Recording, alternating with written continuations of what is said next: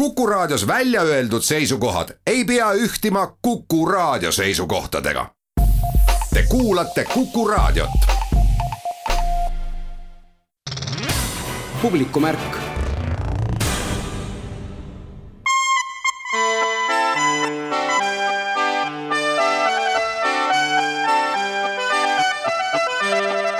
Hammas sulle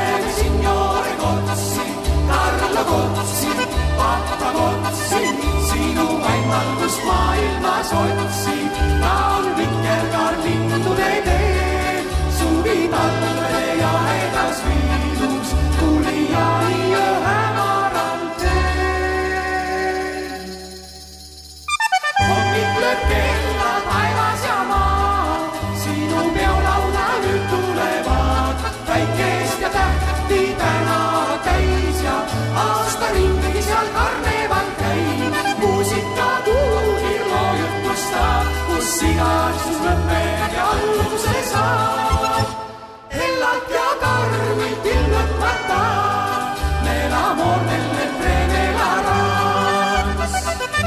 tere päevast, head raadiokuulajad! algas saade Publiku märk, saatejuhiks on Liis Seljamaa. hakatuseks nostalgiline meenutus lavastusest Armastus kolme apelsini vastu, mis esietendus Viljandis Ugala teatris kolmkümmend aastat tagasi, üheteistkümnendal aprillil. tänases saates on muusikast päris palju juttu. bluusibänd Kaisa Ling Thing avaldas mõni nädal tagasi singli pealkirjaga Läänemure lained. see on ühtlasi mais ilmuva albumi nimilugu. esimest sünnipäeva tähistas aprilli alguses veebileht Helü Ait. välja on kuulutatud ka loomevõistlus Põlvepikuraamat, kuhu käsikirju võib saata septembri alguseni. järgmisel nädalal algab festival Eesti muusikapäevad, mis ajastule kohaselt jõuab kuulajateni interneti vahendusel. ka saate kõige esimene intervjuu on tulevikku vaatav kes on sattunud mõnele kontserdile Treski küüni, see teab, missuguse kohaga tegemist on ja toimuvad seal kontserdid, teatrietendused, igat sorti kultuurilised sündmused. Jalmar Vabarnal on aga natukene laiem haare, tahab ta ehitada sinna ka välilava, et lisaks küünile, mis on tegelikult ka üsna õuetingimustes, saaks siis nagu päris lageda taeva all ka kunsti nautida. hooandjas on praegu käimas raha kogumine, mis läheb minu meelest täitsa hästi, aga sinna on veel kuu aega aega ja inimesed, kes tahaksid südamest toetada, saavad seda kenasti veel teha. kui suurejoonelised need plaanid siis on? Jah, tõesti, ambitsioonid on, on meil alati olnud suured, mitte et ma tahan ehitada, vaid et ma ehitangi sinna lava, et mina kui muusik tean väga hästi, et ei ole funktsionaalseid statsionaarseid välilavasid ja, ja minul äh, oli algusest peale selline plaan, ma tahan teha sellist lava, kus oleks tehniline võimekus olemas, ehk siis kuhu saaks riputada valgust ja kuhu saaks riputada heli. Ja me saime lõpuks kampa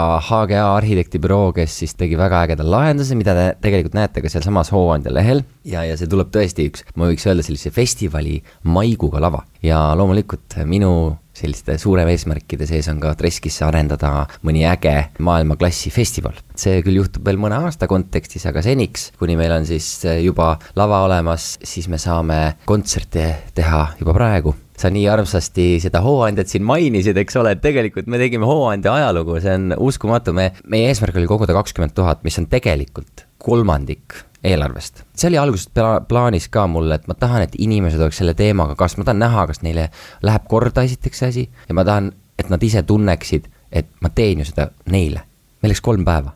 saime eesmärgi täis tegelikult. seda ma nagu ei oodanud. Eks seal oli päris mitu metseeni ka kes on sellised, kes äh, hindavad seda, et tehakse eraalgatuslikult ka midagi sellist, mida saavad nautida paljud inimesed, eks ole. ja kui nagu tulla veel tagasi selle küüni juurde küün jäi lihtsalt väikseks. aga küün ei jäänud väikseks selles osas, et nüüd rahvast oleks tohutult palju rohkem käinud. küün jäi väikseks sellepärast, et äh, ikkagi A-kategooria, B-kategooria bändid maksavad nii palju, et ma ei saa küüni müüa üle kolmesaja, kolmesaja viiekümne pileti. et ma ei tule lihtsalt kuidagigi välja seal ma olen kõigega rahul, mind on väga palju toetatud tegelikult ka riigi poolt, viimastel aastatel natukene vähem, võib-olla sinna Treskisse al, algusaastatel väga palju, et mul ikkagi õnnestus neid asju teha, mul õnnestus seda kohta sisse töötada. lihtsalt, et kui mõni inimene arvab, et oh, rahva rahaga teeme siin lava, siis teadke, et tegelikult see on ka minu poolt ikkagi kümne, viieteist, võib-olla kahekümne aasta pühendumus nüüd pakkuda kultuuri Treskis, luua sündmusi, luua neid emotsioone, miks inimesed peaksid sinna üldse kokku tulema, eks iga kord, kui ma midagi korraldan, sellega kaasneb, kultuur on väga karm valdkond tegelikult, sellega kaasneb väga suur risk ka, see on kunst ja see on väga loominguline töö no toetavad seda ikkagi need inimesed, kes ma eeldan, tahaksid siis selle Jaa. välilava ääres ka kaasa elada. absoluutselt, seda saab teha, et Treski hooaeg on meie kodulehel treskiküüm.ee juba ilusasti väljas, piletid on müügis. me oleme väga optimistlikud loomulikult ja, ja eelmise aasta, eelmise suve kogemusega teiste sündmuste raames, siis ma ütleks, et ma olen suhteliselt kindel, et me ikkagi saame seda kultuuri nautida. meie alustame juulis, loodame ikka sellele, et tuleb ilus, ilus suvi. Ja selleks ajaks, kui hooaeg hakkab, on ikkagi see lava ka valmis. Kümnendal juulil on siis äh, avapidu ja Ivo Linna jällegi minu üks suurtest lemmikutest tegelikult ja ikkagi legend. mul on legende seal Treskis juba käinud küll ja ma mõtlesin, et sel aastal peab Ivo Linnaga ära käima, Ivo Linna tuleb siis koos bändiga ja avapeole kohaselt ikkagi kohalikku seto verd nii-öelda, et kindlasti see saab olema väga tore ja põnev ja loomulikult noh, kõigile täiesti uus asi, nii et ootan väga seda aega. ja siis me hakkame sel suvel kahe nädala kaupa kaks nädalat pausi, kaks kontserti, reede ja laupäev, kaks nädalat pausi, kaks kontserti. et me teeme sellise süsteemi, kuna mida suurem on lava, mida suurem on ala, seda suuremad on kulud, eks ole. kuna me juba helitehnika, valgustehnika, kõik need asjad installime sinna lava külge, siis meil ongi mõistlik teha nii-öelda reeded ja laupäevad. põhi ikkagi päevad, kus inimesed ka väljas käivad, kes tahab, saabki tulla reedel, läheb sanatooriumisse ööbima või, või paneb telgi püsti ja tuleb laupäeval jälle, et Setomaa on nii ilus ja Setomaal toimub nii palju suvel ma kutsun kõiki Setomaale. kõige selle taga on ikkagi ka unistus kuningriik Treskisse tuua. sel aastal toimub see Lobotkas, mis on tegelikult Treski naaber, nii et ilmselt järgmine aasta veel Treskis ei toimu, aga ehk ülejärgmine aasta. kas kõige selle kõrvalt sul endal ka ikka pilli mängimiseks aega jääb? absoluutselt, mul saab kohe endal sooloplaat valmis, seda ma hakkasin tegema või noh, aktiivsemalt üldse jälle kitarri mängima siis, kui eelmise aasta eriolukord välguna taevast tuppa lõi, siis andis see palju aega jälle natukene rohkem käsitööd teha nii-öelda ja lõin uusi lugusid ja planeerisin ja mõtlesin, et millal, millal lükkasin kogu aeg edasi, aga nüüd selle aasta alguses käisin ja salvestasin ja seitsmendal mail tuleb juba sooloplaat välja, nii et ID on selle nimi, lühendina identiteet ja kuna mul eelmine album oli Mina pilt, mis on selline sisekaemuslik ja võiks öelda nagu sisetingimustes jälgitav persoon, siis identiteet on juba see, mis pannakse inimese külge juba kuuluvus kuskile ja erinevate selliste väliste tunnustega ja siis mulle tundus, et see on nagu hea üleminek ja ma olen ise väga rahul, esimest korda vist üldse ma olen äh, paarkümmend plaati teinud elus, iga kord on selline tunne, et noh, et kahtled endas, kas ikka sai hea, et ei tea, kas, kas see nüüd on see või siis ma olen nüüd selle oma sooloplaadiga, mis on alles teine, ma olen sellega väga rahul sinna sai päris palju häid meloodiaid, milleni ma olen tegelikult ka alles hiljuti jõudnud, et ma olen äh, alati vaata kasutanud teiste meloodiaid rahvamuusika meloodiaid ja loonud küll erinevaid vaheosi ja, ja instrumentaalseid osi, aga, aga just nagu algusest peale salmi ja refrääni luua on mulle selles mõttes ikkagi üsna värske tegevus ja, ja, ja kitarriga veel eriti instrumentaalseid salme ja refrääne luua, see on minu jaoks nagu olnud selline äge teekond. sinna sai peale päris palju selliseid ilusaid meloodiaid, mida on nagu mõnus kuulata, kui sa ei taha, nagu ma ise kirjutasin sinna plaadi sisse ka, et kui sa ei taha, et keegi sulle kümme korda hello ütleks või et uh, what is love, et siis on see ideaalne album, mida kuulata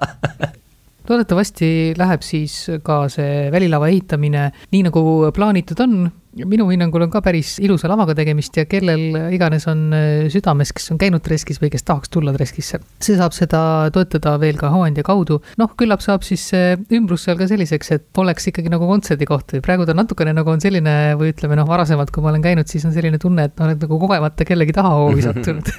jaa, vot see ongi see, et meil oli vana talumaja seal ka, eks ole, aga see oli nii mädanenud, et me võtsime selle ära ja meil oli ka tegelikult täitsa nii-öelda haige kuusehekk seal, et siis me need kõrvaldasime, ta on selles mõttes natuke avatum, võib-olla natukene tuulisem, aga me vaikselt juba haljastame ja mõtleme täpselt, kes, kus, mida on, et niimoodi, et tulevikus oleks ka mõnus, aga pirniketid, lipukesed, tulete sinna, siis on täpselt see, et ah ma olen kodus, on ju, et see on, me tahame luua sellist meeleolu, kus võib-olla ongi täpselt nagu sa ütlesid, et jah, ma olen kellegi tagahoovis, aga samas oleks nagu ikkagi see tunne. nagu õige nagu, koht. nagu kodus jah et küün on alles, ait on alles ja sinna tuleb nipet-näpet juurde ka, loodetavasti jõuab kõik ära teha, mis me plaanime sel aastal. aga ma väga-väga ootan sest et noh, kui ma mõtlen nagu nendele hooaegadele tagasi, siis Treskis on noh, ma arvan, mingi umbes kümme tuhat inimest on läbi käinud. Ja kui Eestis on ikkagi veel ütleme sellist liikuvat ja vaba rahvast on ikkagi miljon peale, siis, siis meil on potentsiaali. Meie lõunanaabrid, lätlased, eks ole, Brainstorm, Pratavetra, kõige suurem bänd, korraldab Lätis kontserte neljakümne tuhandele, kuuekümne tuhandele inimesele. ükski Eesti bänd ei ole veel seda saavutanud, Traadetekiga me üritame seda, eks ole. noh, meil on küll poole vähem rahvast kui neil, on ju, aga mis siis viga, me võiks ka ju kahekümnele või kolmekümnele tuhandele kunagi kontserte anda. et Eesti rahvas, kutsun üles kõiki uskuma, toetama kodumaiseid bände, külastama meie kontserte, eriti suvel, kui nüüd niikuinii kuhugi mujale minna ei saa, et noh, need, kes Kanaaridele tahavad minna, minge, minge, aga need, kes Eestit armastavad, siis tulge Setomaale publikumärk. Eesti muusikapäevad toimuvad sellel aastal virtuaalselt ehk tegemist on veebifestivaliga. kahekümne teisest aprillist teise maini toimuvad nii kontserdid kui vestlusringid ja selle festivali korraldaja on Mari-Liis Rebane veebifestival on äh, niisugune praeguse aja paratamatus, et äh, ei tahetud jätta ka festivali, mis on juba neljakümne teist korda Eesti vanim Eesti heliloojate loomingule keskenduv sündmus, et äh, seda ei tahetud niisama lihtsalt ära jätta. Jah, erinevalt teistest kevadistest festivalidest, kes lükkasid oma sündmused edasi sügisesse või suve lõppu, meie otsustasime selle väljakutse vastu võtta ja proovida korraldada läbi veebi vahenduse ja meil on partneriks Klassikaraadio, kes samuti kontserte üle kannab üks põhjus oli ka see, et meie tänavune festival on laiem kui tavapäraselt. meil on Balti muusika mõõde ja esimest korda toimub Baltimaades selline formaat nagu Balti muusikapäevad, mida me oleme planeerinud juba pikalt koos oma Läti ja Leedu kolleegidega. Meile tundus, et võib-olla see veebifestival tasuks katsetamist ja annaks meile võimaluse jõuda virtuaalselt asukohapõhisest kontserdisaalist kaugemale ja oleks kuulatav ka Läti ja Leedu publikule. Festivalil on iga aasta ka teema, seekord on teemaks DNA jah, see on tõsi, et festivalil iga aasta on oma selline inspireeriv teema, millest me palume ka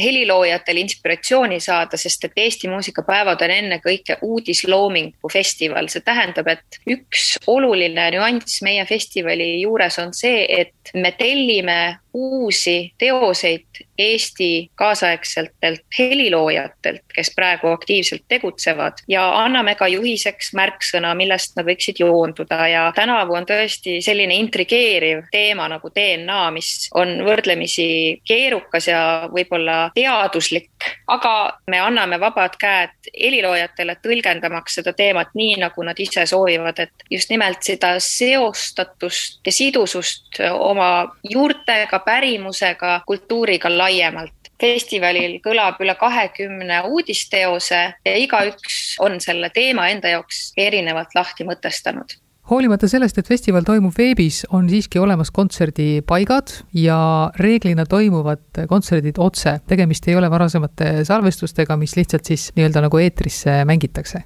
festivalil kõlavad kontserdid nii otse kontserdipaikadest kui ka on kas päev või kaks varem ette salvestatud ja just nimelt seetõttu, et tagada võib-olla stabiilsemat kvaliteeti kuulajatele ja vaatajatele, aga see ei ähm, vähenda selle festivali programmi või kava eksklusiivsust, et vaatajateni jõuab ta siiski esmakordselt avakontsert kava järgi on küll otseülekanne. Tartust aparaaditehasest vist ei olegi sellist kultuurisündmust varem olnud. Eesti Elektroonilise Muusika Seltsi ansambel saab ette kanda siis uudisteose jah, meie festivali avakontsert digitaalne ja analoogne ja seal on kavas üsna mitmeid esiettekandeid nii Eestist kui ka Lätist, mis on loodud ansambli residentuuris. Tatjana Kozlova Johannes, Taivo Lints ja Märt-Matis Lill on ansamblile spetsiaalselt kirjutanud kolm uudisteost ja kõlab ka Liina Sumera uudisteos korraldus, mis tänavu kevadel on, võimaldas festivali ka nii-öelda nagu laiemaks venitada või et kontserdid võivad toimuda kohtades, kus nad varem pole olnud ja ka erinevates linnades, noh, erinevates riikides isegi, eks ole. mitmed kontserdid toimuvad Tartus erinevates kontserdisaalides, Eesti Rahva Muuseumis toimub ka vestlus, samas ka Rahvusringhäälingu stuudios ja Vilniuses heliloojate majas rääkimata Tallinnast, Mustpeade majast ja Estonia kontserdisaalist, nii et see geograafiline haare on võrdlemisi lai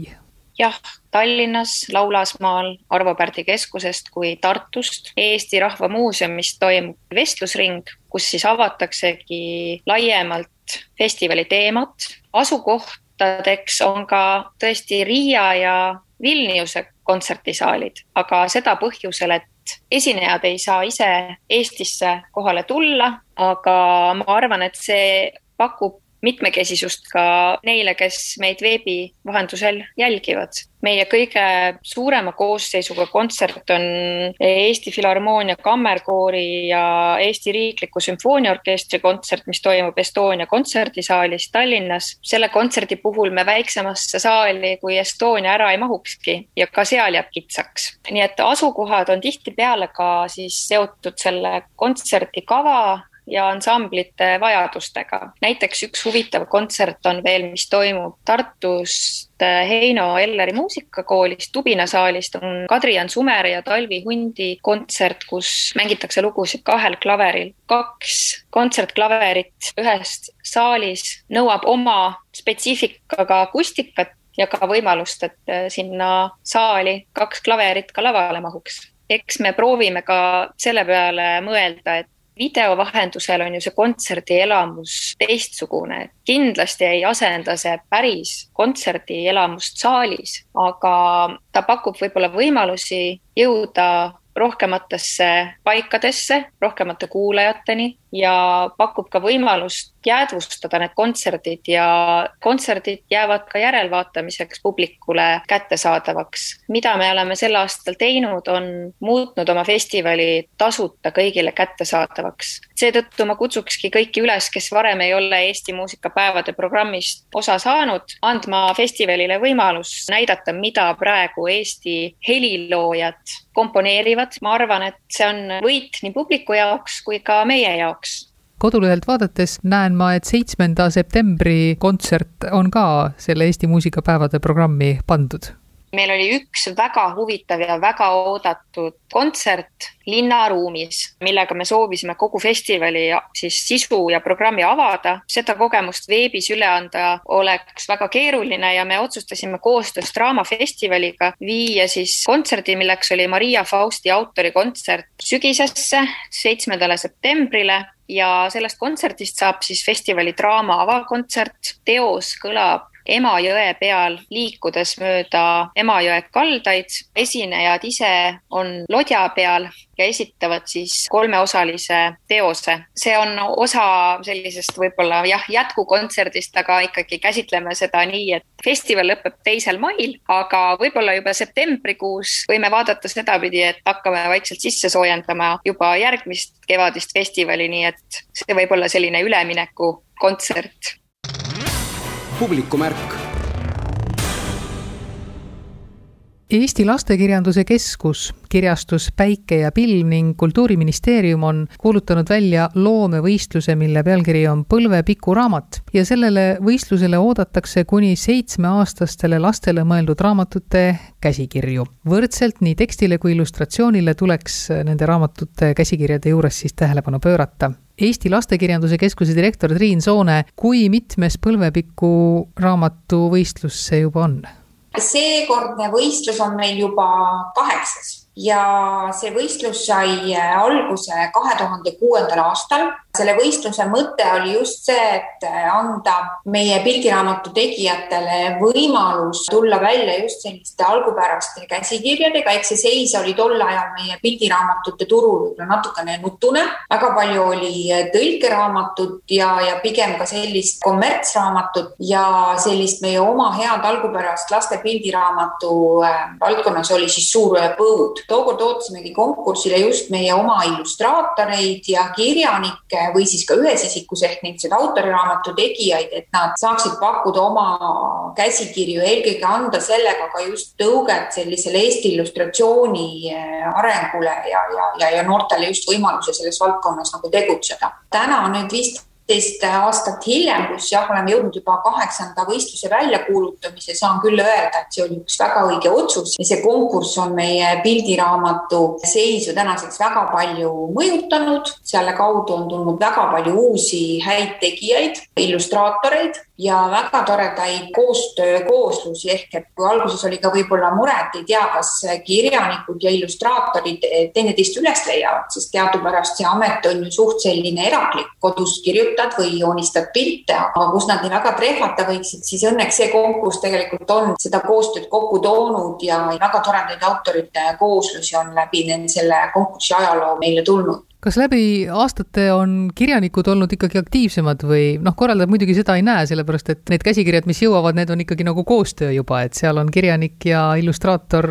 juba töö kokku pannud see on väga ka juhuslikult olnud, aga on ka väga teadlikult kirjanikud ise otsinud, kellel on, ütleme, selline väikelapse äh, mõeldud lugu olemas, sest see sõnade maht on ju seal väga pisikene, et see käsikiri ei saa olla rohkem pikk kui seal üks lehekülg ehk seal maksimaalselt kuskil tuhat sõna, mida, mida on juba isegi palju. põhirõhk ju raamatul ongi tegelikult pildil, et nende raamatute mahtu vaatame, siis nad on sellised kuni kuusteist lehekülge täis pildiraamatud ehk illustraatori roll on oluline ja kirjanikud on ise oma lugudele otsinud, aga selle kau konkursi kaudu on ka mitmeid autoriraamatuid tulnud, kus on siis äh, ühe inimese poolt nii tekst kui ka pilte. näiteks Kristi Kangilaski on palju selliseid raamatuid ka teinud, aga on ka olnud selliseid, kus on ka pildistasi alguse saanud ehk et on ka illustraatoril oma mingi lugu peas olnud ja ta on seda pildis väljendanud ja on sinna juurde siis otsinud ise kirjanikku, et kes selle teksti nagu siis rohkem ilukirjanduslikumaks ja sobivaks vormi paneks, nii et selles mõttes neid koostöid on väga huvitavaid olnud. Igal aastal see võistlus ei toimu, seetõttu võib-olla on juba kellelgi kogunenud midagi äh, sahtlisse, kuigi kuivõrd äh, esitamise tähtaeg on alles septembri alguses, et siis võib-olla jõuab ka praegu hakata midagi täitsa uut tegema me kindlasti ootame jah neid töid, mida ei ole kuskil avaldatud, mis on täiesti uued käsikirjad, aga kuna konkursi tööde esitamise tähtaeg on üksteist september, siis tegelikult jääb siia vahele ilus pikk kevad ja suvi, mis on ka illustraatoritele selline parim aeg piltide tegemiseks, sest siis on ilus ja valge aeg. et see mitu kuud on siin vahel just selleks, et luua ka täiesti uusi käsikirju ja kellelgi, nagu ma ütlen, on lugu olemas, siis jõuab veel otsida illustraatorit, kes võib-olla selle idee juurde ettepanek, sest me ei oota ju terve raamatu nagu käsikirja pildi mõttes, vaid teksti küll jah, terviklikuna, aga piltidest me sooviksime näha maksimaalselt viis näidet siis, mis annaks meile siiski noh, siis žüriile ka aimu, et missugune see raamat tervikuna võiks välja siis näha. nii et see aeg peaks olema ka üsna piisav jah, päris uute asja loode loomiseks Teie tunnete seal Lastekirjanduse Keskuses oma lugejad ka kõige paremini, seda väikest lugejat, aga väiksemate laste puhul siis vanemaid, kes neile võib-olla seda raamatut ette loevad, et kas on nii ka, et kui žürii on välja valinud, et see raamat on just seekord kõige parem, et siis ka lapsed ja lapsevanemad seda just nimelt hindavad? Meie Eesti lastekirjandus on tänasel hetkel äh, üsna rikkalik, meil on väga palju huvitavaid tegijaid, on vanemast põlvkonnast, on nooremast põlvkonnast, kellel on äh, väga isikupärased ja huvitavad käekirjad. pildiraamatute puhul annab sellele raamatule sellise elu ja, ja sisu ja, ja kõik selle terviklikkuse see, missugune see koostöö saab seal olema, et illustraator ja, ja tekst ja kuidas nad omavahel siis nagu suhestuvad ja, ja kuidas tegelikult sünnib nagu tervik, sest ega siis sellise lapse pildiraamatu puhul see tervik sünnibki tegelikult koostöös ja väga palju seda lugu lugu on ju ka piltides, ehk see pilt peabki olema ka nii rikkalik seal kõrval, et ta annab sellele loole nii palju veel juurde. ja lastel muidugi ju tegelikult valivad ju raamatuid just väga palju alguses ju pildi järgi, seda enam, kui veel sõna seada ei oska ja lugeda tähti kokku ei oska, siis on see pilt on esimene, mis paneb nagu haarama. ja, ja mida rikkalikum pilt, seda rohkemat äh, lasteni me ka jõuame aga raamatute sisu poolest on need ikka lihtsalt lood või tegelased või tuuakse välja ja teie konkursile ka isegi võib-olla natukene nagu õpiku moodi raamatuid, noh, et näiteks lugema õppimise juures või nii? jah, eks neid käsikirju on hästi erinevaid sealt ja vahel on küll niisugune tunne, kui mõtled ka, et raamatuid ju ilmub väga palju, et meil ainuüksi ka Eestis ilmub siin aastas äh, lasteraamatuid üle seitsmesaja, noh sellest ka märkimisväärne osa päris väikestele lastele ja tundub küll, et kõik lood juba võiksid olla nagu kirjas ja, ja võib-olla kõik asjad juba olemas, aga iga aasta on see konkurss ikkagi üllatanud. väga tore on see, et autorid on olnud ka sellised hästi avatud ja, ja mitmed sellised meiega ühiskonnas aktuaalsed teemad, olgu see siis näiteks siin keskkonnateema või sallivuse teema näiteks või noh, eks nüüd siis vaatame, mis, kas viiruse teema näiteks jõuab meile sinna lasteraamatutesse, et paljud need teemad just tulevad, et eks jäävad alles ka sellised digihaljad teemad nagu sõpruse teema ja alati pereteemad ja, ja kindlasti muinasjutud erinevates variatsioonides. Need on ka alati olnud, aga, aga just põnevam on jah olnud vaadata ka neid käsikirju, kus sellised ühiskonnas aktuaalsed teemad jõuavad siis nagu lastele mõeldud käsikirjad ja kuidas neid teemasid siis on nagu käsitletud. kui meie eelmine konkurss oli aastal kaks tuhat üheksateist, siis oli just näha ka seda keskkonnateemat ja, ja niisugust keskkonnateadlikkust ja linna ja maaelu ja, ja, ja seda on nagu palju sisse toodud ja looduse märkamist ja looduse poolt. see on nagu väga tore, see valik just ka sisuliselt jah, mis sõnumit nagu tekstid kannavad, on nagu üsna lai. aga eks see kirjaniku professionaalsus ongi see, et kuidas ta selle loo suudab sellele vanuserühmale sobivalt just kirja panna, et ega see ei ole lihtne väiksesse teksti palju sõnumeid panna ja just nii, et laps seda mõistaks ja, ja see tekst oleks just parajalt lapsele ka arusaadav, aga et seal tekstis oleks ka midagi uut, kas mõnda uut sõna või, või ja rikastaks just laste nagu sõnavara, et see pool ka, aga ma pean ütlema, et tore on nagu see, et meie tekstid ei ole sellised väga selgelt ja läbinähtavalt mingid moraliseerivad või väga õpetavad või, või näppu vibutavad, et eks ikka pannakse sellist eluõpetust ju lastekirjanduse tekstidesse sisse? Aga tore, kui see on sinna sisse niimoodi orgaaniliselt ja pehmelt põimitud, et tegelikult need head eluväärtused tulevad sealt välja, aga mitte nii õpetavalt seisukohalt, et see ongi see meisterlikkus. publikumärk möödunud aastal aprillis sai internetis avalikuks Helü Aida nimeline leht tegu on ainult võrukeelset kirjandust, pärimust tutvustava lehega. Triinu Laan on selle asja üks eestvedaja. näib, et võrokesed katsetavad ja proovivad igate moodi, kuidas võro keelt elus hoida, kuidas teha see kättesaadavaks paljudele, nii nendele, kes ise võro keelt räägivad, aga võib-olla elavad kaugemal, või siis nendele ka, kes võib-olla ei räägi, aga kellele lihtsalt tundub ilus ja tore vaadata idee selle Helüaida loomisest tegunesi tegelikult juba siis poolteist aastat tagasi. Ja noh, ta tõukus nagu reaalsest vajadusest, et nii palju on teda kuulda, et inimese ütles, et tead, et mu võro keel on sellisel kehval tasemel, mul on kehva või ma ei mõista lukke hästi võro keelen, ta on nii raske, aga et lisaks toole, et võro keel tundus olev raske lukke inimesele, kaevatas ka muidugi toole, et aigu on vähe ja üteldas ka tuud, et kui ma kulle võro keelt, siis mul tegunes parem tunne tunnetus esihindal, kuidas pruuvi võro keelt pildamba esipruuvi kõnelda. Heljo Aidal on nagu päris mitu säänest otstarvet või eesmärki, et ta saa avitada inimesel siis suunata teda praktikani, et ta lõpus esi ka julgus võro keelt pruuki kuna ma esi ole ka suur selline podcast'i kulle ja mulle väga meeldis erinevaid saateid, kas perre kullelda või ka audioraamatuid ja, ja kuuldemänge kullelda ja ma usun tollesse nii palju, et mul on nagu tahtmist selle projektiga peale naada. esimene pääsukene tegelikult oli meil juba kaks tuhat üheksateist detsembri alustusel, kui me tähistame Võro Instituut tähist Madis Kõivu sünniaastapäeva ja me riputime siis hakatuses Võro Instituudi kodulehele välja mõne Madis Kõivu võrokeelitse loomi loomingu siis jupi ja siis sealt äh, edasi juba lõimi päris eraldi kodulehe helüait.ee ja teimi sellele kujunduse ja riputime asju sinna üles. Ja siis nagu me kõik teame, naas peale ta suur viirus aasta tagasi, nii et kui me ta avalikustame, siis tegelikult oli nagu superhaig tolle jaos, et tõtest inimesi oli juba kodun ja, ja tahtsime sellest viirusevaba meelelahutust, et midagi, mis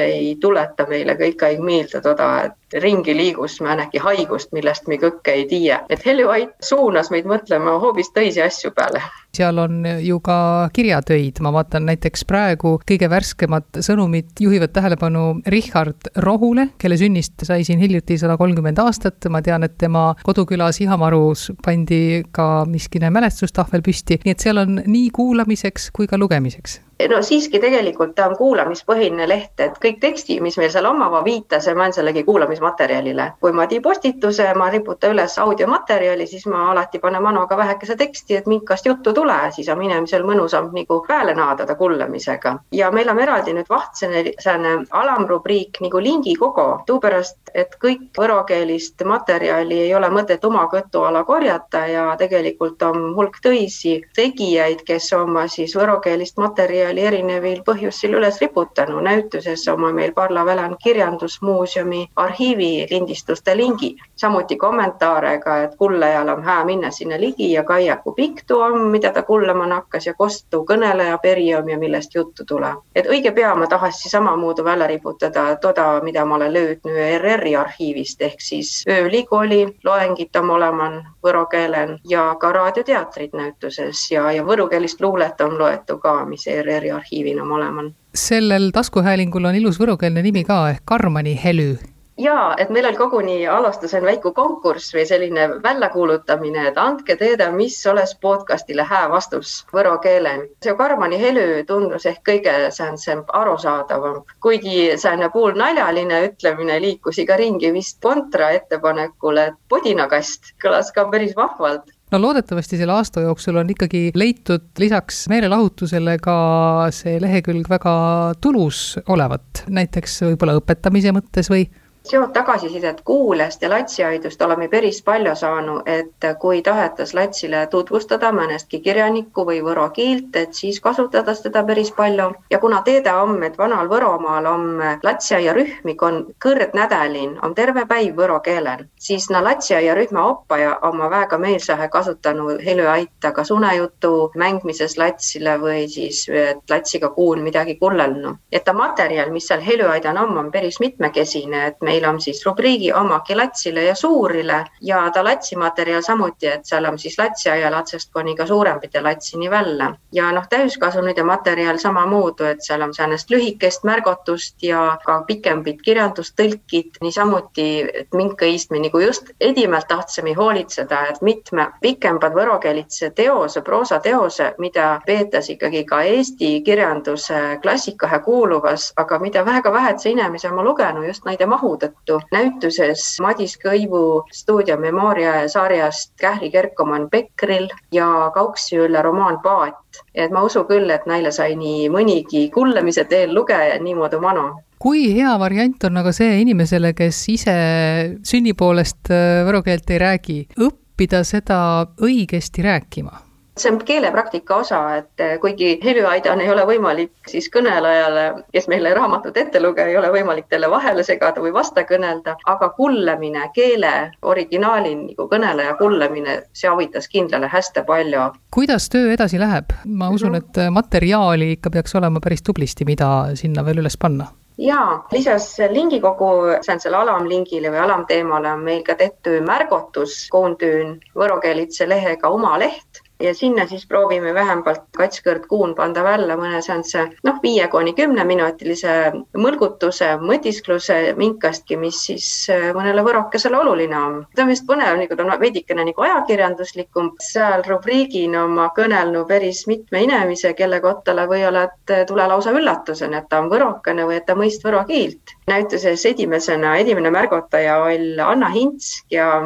palju Teeda filmi Homme saabub paradiis režissöör, mis kõneles söögi raiskamisest ja selle päästmisest. Ja see teema oli tõeliselt populaarne näituses või siis Tartu Ülikoolist professor Raini Saller kõnel matemaatika ja, ja üldse riigieksamite vajalikkusest või. või siis Hele Pedassaar. absoluutselt, tema võis kõnelda ilmast nii eesti kui võro keelen. meie algusest peale meie põhimõte ei ole olnud, et me otsime õnne originaalil nagu võro keelen kirjutatud teoseid, vaid me ka tõlgime. seda oma pallelnud küllaltki palju oppaja, pedagoogi ja lasteaia oppaja, et latsile juba eesti keeles tutva teos kullelda vahtsest üle võro keelena, et see võis olla päris arendav ja ongi. kuigi võrokeisi on ainult seitsekümmend viis tuhat või ütleme siiski, et neid on tervelt seitsekümmend viis tuhat, et ma usun küll, et seitsmekümne viie tuhande inimese pärast mas küll tõlki võro keelde nukitsamisnäituses, mis mineva aasta sai tehtud või Sipsik Triinu ja Taavi Luu on meil plaanil näituses ja ka Richard Rohuga pidime sama kolmekümnendast sünniaastapäevas, me pidime ka tõlkma selle, et ta oli küll võrokene ja eri vanalt Võromaalt, aga ta kirjutab eesti keelen põhiliselt. õnne dialoog oli mõnedel tema novellidel küll võro keelen ja väga mõnus on ja see on see vanaaegsem võro keelen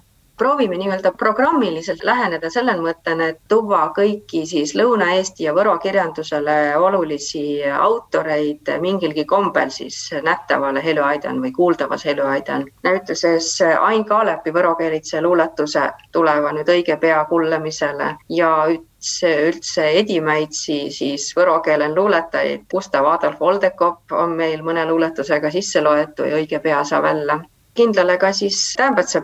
on siit tunnet autoreid, et Kontrat ja Ruitlast tahasi luke, ka naisautoreid, noorema põlve siis Võro luuletaja Leila Holts näituses oma õige pea lugemisel ja tõlgitav näituses ja sisselugemist uut Eno Raua Latsile lihtsambast kirjutatud ümberjutustus Kalevipojast. seda saame ka varsti võro keelen kullelda.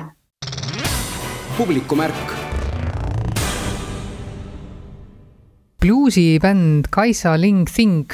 on välja andmas teist albumit pealkirjaga Läänemure lained ja märtsi lõpus juba nägi või pigem siis jõudis kuuldeulatusse sellelt albumilt teine singel pealkirjaga Läänemure lained. selle loo sõnade autor Aapo Ilves on öelnud selle loo kohta, et Läänemure lained ehk lühike pidupanemise õpetus. kuidasmoodi selle looga siis on ja selle albumiga ka? No minu arust see lugu on täiesti geniaalne. sellist teksti, mis oleks samal ajal nii lihtne ja tegelikult nii keeruline, on keeruline välja mõelda ja Aapo saatis selle teksti mulle täpselt nii, nagu ta on. mul hakkas see üsna kiiresti peas kõlama, et see peab olema tsitaat sellele, mida me kõik teame ja samas ta peab kokku võtma selle, mis praegu toimub ja mis äh, hakkab veel toimuma. Ja ma arvan, et äh, see on lihtsalt selline suur vabaduse laul, et mulle see väga-väga meeldib, ma olen ise lihtsalt väga rahul selle lauluga. põhiprobleem on see, et kui ühiskonna ebaõiglus ja kurbus jõuab üksikisikusse, siis mis võib kõik seal juhtuda? no eks äh, hästi palju erinevaid asju, see on see põhiline, et see lääne mure võib paljude inimeste jaoks tähendada erinevaid asju, ma olen täiesti kindel. minule hakkas veel väga hästi kaasa kõlama ka üks äh, Andres Ehini luuletus me lendsime üle mure ja muri kohises. Ja muremehed, me kõik ahoi! Et äh, mulle tundub, et see mure kui selline üldse on eestlaste jaoks tuntud asi. Ja nendest muredest ja tabudest ja hirmudest ongi need kümme laulu, mis äh, selle plaadi peal on no see Läänemere lained, see muidugi vihjab ka kõigile tuntud viisile ja laulule Läänemere lained, eks ole, aga ta natukene noh, ütleme nii nagu ka on tutvustuses öeldud, et see on niisugune taarutamine või tuiamine, mis selle loo ümber käib just, just, ma olen päris uhke selle taktimõõdu vahetuse peale, mis selle laulu alguses on, keskmes on, et see on tore ja see annab väga hästi edasi ka seda, mida meie teeme, mida Kaisa Ling Thing teeb, et me segamegi erinevaid tegelikult mõjutusi USA-st väga selgelt, et kogu see minu nii-öelda substraat või minu aluspõhi on ikkagi USA afroameerika juurtega muusika. et olgu see siis bluus või swing või džäss või mis iganes, aga ma teen seda siin Eestis ja sellepärast äh, on selline hea segu, et nüüd hakkab nagu minu jaoks see kohale jõudma kuidagi. no kui mõne inimese jaoks võib-olla Eesti bluusi parimad näited on, no ma ei tea, võib-olla ka Mülleri sass või, kas sa ise ka kuidagi nagu tunned, et on teil mingisugune ühisosa ka? absoluutselt, ma arvan, et Mülleri sass on minu jaoks väga oluline looja, et ma olen ikka väga palju kuulanud, see Suugi plaat on vaimustav ja ei ole üldse olemas minu arust paremat bluusilaulu eesti keeles kui äh, see Kolm aastat ma nägin. see on tipp minu jaoks, sellest ei saa enam üle lüüa. nii et jaa, loomulikult on ka Eesti suured bluusimuusikud äh, minu sees. tänu Tartule on mul see ühendus ka olemas. aga sinu äh, looming on võib-olla natukene burlesksem võib-olla või? Kindlasti ma olen alati ennast üritanud defineerida või kuidagi paigutada sinna linnabluusi, et maa ja linnabluus läksid lahku üsna varakult, üheksateistkümnenda sajandi lõpus juba, ja see on mõeldud ikkagi laval esitamiseks või tsirkuse telgis esitamiseks, teatraalseks, selliseks meelelahutuseks kui selliseks, et ikkagi ta on läbimõeldud ettekandmiseks. Ja, ja sellepärast ma seon ennast ütleme, vodevilli või palagani või, või burleski või teatriga üsna tugevalt, see on ka selline naiste ala, mulle see meeldib. mina ei tea, mind viib küll nagu sada viiskümmend aastat ajas tagasi või noh, ühesõnaga ettekujutus sellest, mismoodi sada viiskümmend aastat tagasi võidi selliseid laule laulda kuskil, ma ei tea, kõrtsis või? väga hea eks ta nii on mõeldud. See, see on lihtsalt see, mida ma olen kuulanud ja mille sees ma olen äh, marineerunud, aga mulle meeldib see, et kui ma ütleme, neli aastat tagasi olin jõudnud sellisesse noh, selle kahekümnendate alguses, seal, kus Ma Rainey ja Bessie Smith alustasid päriselt plaadistamist, kus kõik see plahvatus toimus ja seda tuli nii, nii, nii palju ja ta oli niisugune hästi robustne ja kuidagi maine, siis nüüd ma olen tegelikult nagu mõtteliselt jõudnud võib-olla kolmekümnendasse, võib-olla isegi kombin neljakümnendaid, viiekümnendaid, vaatame mingit boogie-woogit, selliseid hoopis džässilisemaid, džässikamaid rütme, tantsu, muusikat, et noh, ma ise arenen justkui selle loogikaga nagu hästi loomulikult kaasa, ma olen väga rõõmus selle üle, jumal teab, millal ma kuuekümnendatesse ükskord jõuan. Need muusikud, keda sa oled kaasanud selle plaadi tegemisse, seal on äh, bändiliikmed, aga on muid ka? kuna see on üsna tervik, terve see plaat on üsna selline suur tervik ja ma mõtlengi sellest alati nagu tervikuna, et ta peab olema, kõige parem on seda kuulata ikkagi algusest lõpuni järjest, siis teatud kohad hakkasid hakkasid nõudma mingeid teatud instrumente, mingeid teatud muusikuid ja, ja sellepärast on kaasatud sinna igavene hulk külalismuusikuid. Jason Hunter, puhkpilli trio, trompet, siis äh, Siim Aimla mängib äh, klarnetit ja baritonssaksofoni ja Sten Valdmaa trombooni. Vilho Meier, kes ka salvestas ja miksis selle albumi, teeb äh, väikeseid kitarri ülesastumisi, Tõnu Timm, Tõun on kaasatud, Gypsy Jazzi ansambel Detox on mul nii-öelda ühes laulus puhta laenuks. Ja eriti rõõmus olen ma selle üle, et pala Rõõmsalt lastetu alguses teeb kaasa Tartu ja Lõuna-Eesti oma Ülle Voitk akordionil. üks naine, üks äge naine on ka sellel plaadil minuga koos aga kuidas sa iseennast selles žanris niimoodi nagu tunned, et kuidagi sa oled saanud ka tänu ilmselt sellele esimesele plaadile, mis leidis väga head vastukoja vist, oled saanud kuidagi nagu selle stiili esilauljaks meil või? oo, suur tänu, suur tänu. ma tunnen ennast väga hästi, et see on minu õige koht ja ma tunnen ennast loomulikult ja mõnusalt, nii et kus mul minna mujale üks asi muidugi, mis on selle plaadi, oli ka sinu eelmise plaadi juures ja võib-olla ongi sinu muusika juures selline läbiv teema, on see, et noh, kui bluus võib-olla ka eelarvamuslikult on niisugune sisekaemuslik ja kurtmine raske elu üle, siis seda võib teha kõike ka palju lõbusamas võtmes. bluus on kurtmine ka, aga ta on ka väga-väga palju muud bluus minu jaoks on vastupanumuusika, ta on selline natukene nagu maagiline loits. Nendes lauludes, vanades lauludes ja ka minu omades, see hirm, mure, vaev, viha ja valu on välja pandud otse inimeste silme ette kõrvade ette ja kui see läbi töötada, siis ta ei tulegi see on tegelikult selle bluusi äh, võluvõim. ta annab inimestele jõudu ja julgust tegeleda igasuguste jamadega. ja minule on see töötanud niimoodi juba väga-väga kaua. tahaksin nagu teistelegi anda seda võimalust, natukene naerda, selle üle lõõpida, noh, see annab julgust ja niisugust jõudu.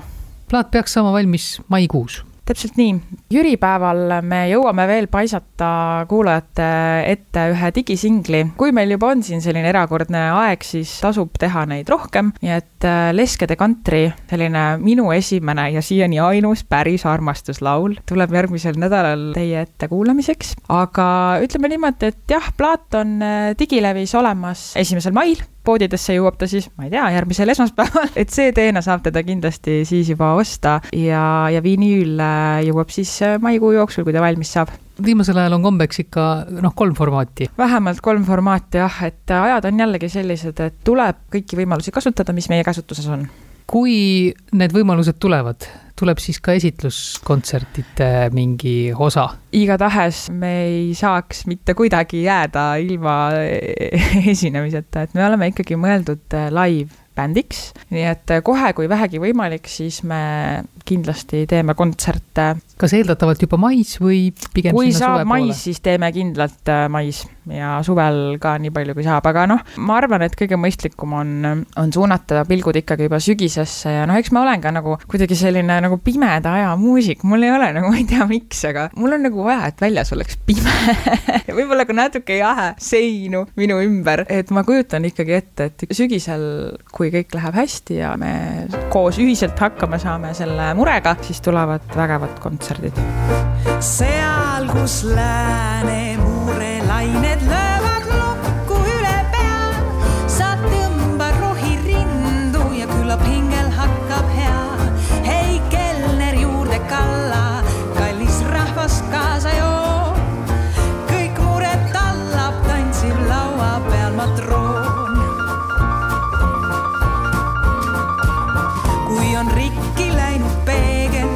ja sul surub miski sees, pole auru välja lasta, üksi meeste privileeg. sa säti ennast lille, tuli punaseks tee suu ja las igas kõrtsis kindel kõlab üle linna bluus.